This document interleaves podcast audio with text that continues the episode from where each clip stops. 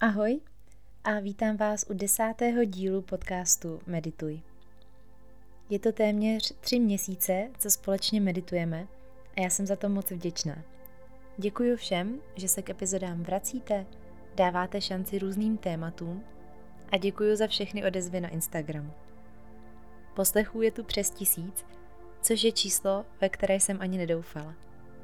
Budu ráda, když budete sdílet vaše oblíbené díly dál – aby mohly inspirovat i vaše okolí. V dnešní epizodě zkusím nabídnout způsoby, jak přijímat věci nebo situace, ke kterým máme odmítavý postoj. Když jsem se nad tímhle námětem zamýšlela, vzpomněla jsem si na jednoduchý princip, který se opakuje v mnoha knihách o seberozvoji a je vlastně základem všeho a ovlivňuje náš výchozí postoj k životu. A to, Zda k různým situacím přistupujeme z pozice přijetí nebo lásky, anebo naopak z pozice strachu. Tyto dvě nejsilnější, hluboko zakořeněné emoce pocitujeme přirozeně při všem, co děláme. Bohužel se to často neuvědomujeme, protože to třeba není na první dobrou jasné. Ale náš postoj je rovnou bojovný, odmítavý, cítíme odpor, aniž bychom k tomu měli pádný důvod.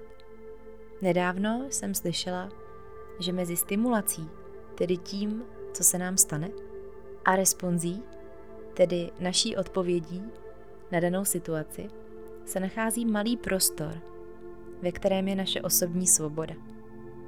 Osobní svoboda je volba. Jak zareagujeme a jak se ve finále budeme cítit.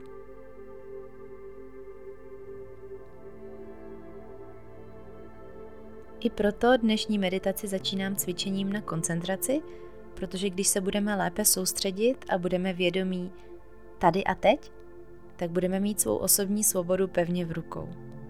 Na konci dnešního dílu povím zase pár tipů, co mi pomáhá přijímat život takový, jaký je.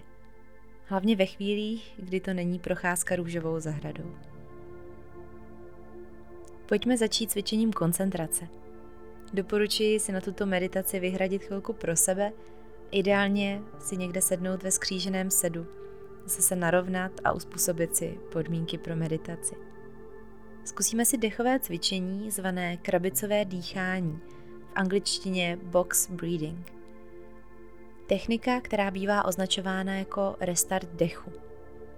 To znamená, že budeme dýchat v rytmu nádech na čtyři doby, zádrž dechu na čtyři doby výdech na čtyři doby a zádrž dechu na čtyři doby. Pokud by vám zádrže dechu nedělali dobře, tak je klidně vynechte a dýchejte jenom nádech na čtyři doby a výdech na čtyři doby. A pokud by vám to pomohlo, klidně si počítejte na prstech.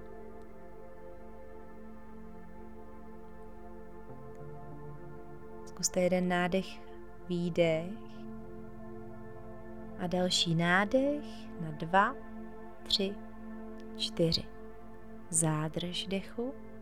Dva, tři, čtyři. Výdech. Dva, tři, čtyři. A zádrž dechu. Dva, tři, čtyři. Nádech. Dva, tři, čtyři Zádrž dechu.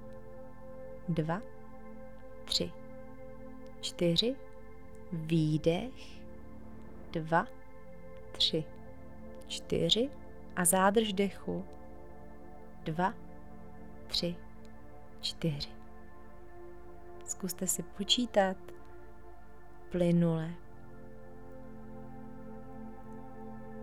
Hluboké nádechy, krátká zádrž dechu hluboké výdechy. Krátká zádrž dechu.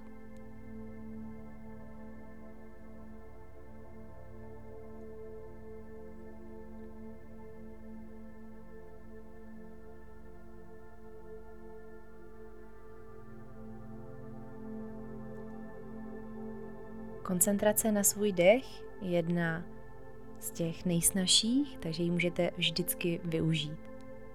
Slouží tomu, abychom se nestali obětí změti myšlenek A koncentrace je tím pádem dynamická vůle mysli. Dynamická proto, že musíme vynaložit určité úsilí k tomu, koncentraci probudit a podržet v mysli. Pokud se ale zvládneme soustředit, dokážeme odehnat nechtěné myšlenky a tím i strach. V tu chvíli, kdy se koncentrujeme, totiž nedovolíme žádné myšlence, aby se ujala vedení. Nechtěla bych, abyste tuto metodu brali jako formu úniku, ale pokud vás zachvátí panika, strach nebo pocity odporu, zkuste se soustředit na svůj dech a začít počítat na čtyři doby.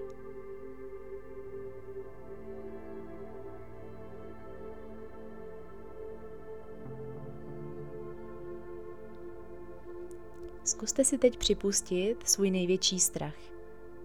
Když si ho dokážete připustit, přijmete i tu variantu a přestanete ji odmítat. Stalo se to už někdy někomu na světě? Přežili to? Říká se, že pokud vás nějaká výzva neděsí, není dost velká. Někdy nás strach drží v komfortní zóně a dál od našeho rozvoje, ačkoliv bychom se už byli schopni posunout dál. A teď tím myslím hlavně ten duševní a psychický rozvoj. Co se týče obav, mám za to, že nepřátelé si máme držet co nejblíže. Takže když si svůj strach podržíte blízko, tak vlastně zmizí jako ta hrozba, co vás nečekaně může přepadnout z povzdálí a získáte nad ním kontrolu. Pojďte se vrátit ke svému dechu a vnímat, jestli se nějak změnil jeho rytmus, když jste se soustředili na svůj strach. Můžete zase využít krabicové dýchání, které vám usnadní se soustředit a také nám pomáhá se zrelaxovat a uvolnit mysl od stresu. Ještě jednou nádech, dva, tři, čtyři, zádrž dechu, dva, tři, čtyři, výdech, dva, tři, čtyři a zádrž dechu, dva, tři, čtyři.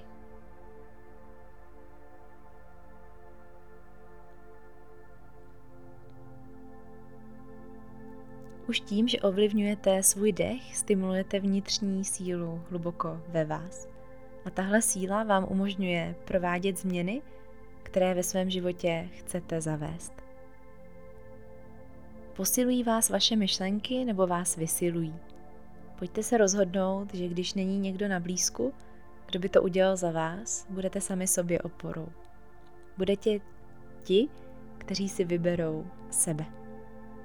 Možná jste už někde slyšeli, že nejste středem vesmíru a vše se netočí okolo vás. Samozřejmě i to je jeden úhel pohledu. Ale ve vašem životě jste svým středem vesmíru. Řídíte svůj život a tak jste také jediní, kteří občas můžou pomoci sami sobě. Když budete takzvaně v pohodě sami se sebou, tak bude v pohodě i všechno okolo vás. Pomocí dechového cvičení jste zastavili mysl, abyste si uvědomili, že zrovna teď, tam, kde jste, máte vše, co potřebujete. Já zkusím nabídnout ještě pár dalších způsobů, jak přijímat život takový, jaký je, bez odmítání. Já se sama sebe ptám většinou na otázku, jakou odpověď vyžaduji jaká odpověď mě uspokojí.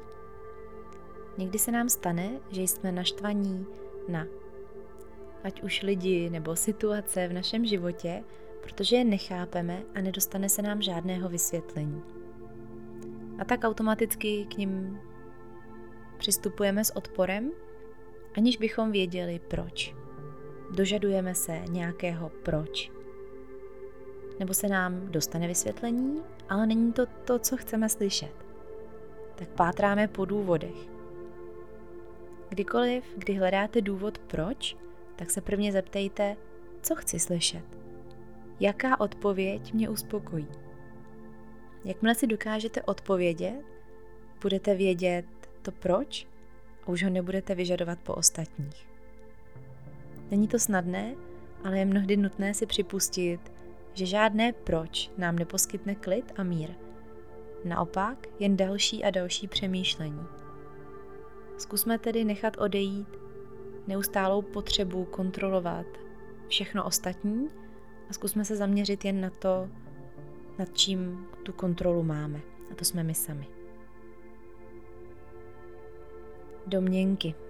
Spoustu problémů si opravdu vytváříme jen ve vlastní mysli. A tak jedna z otázek, co mě osobně změnila život, je, je to opravdu pravda?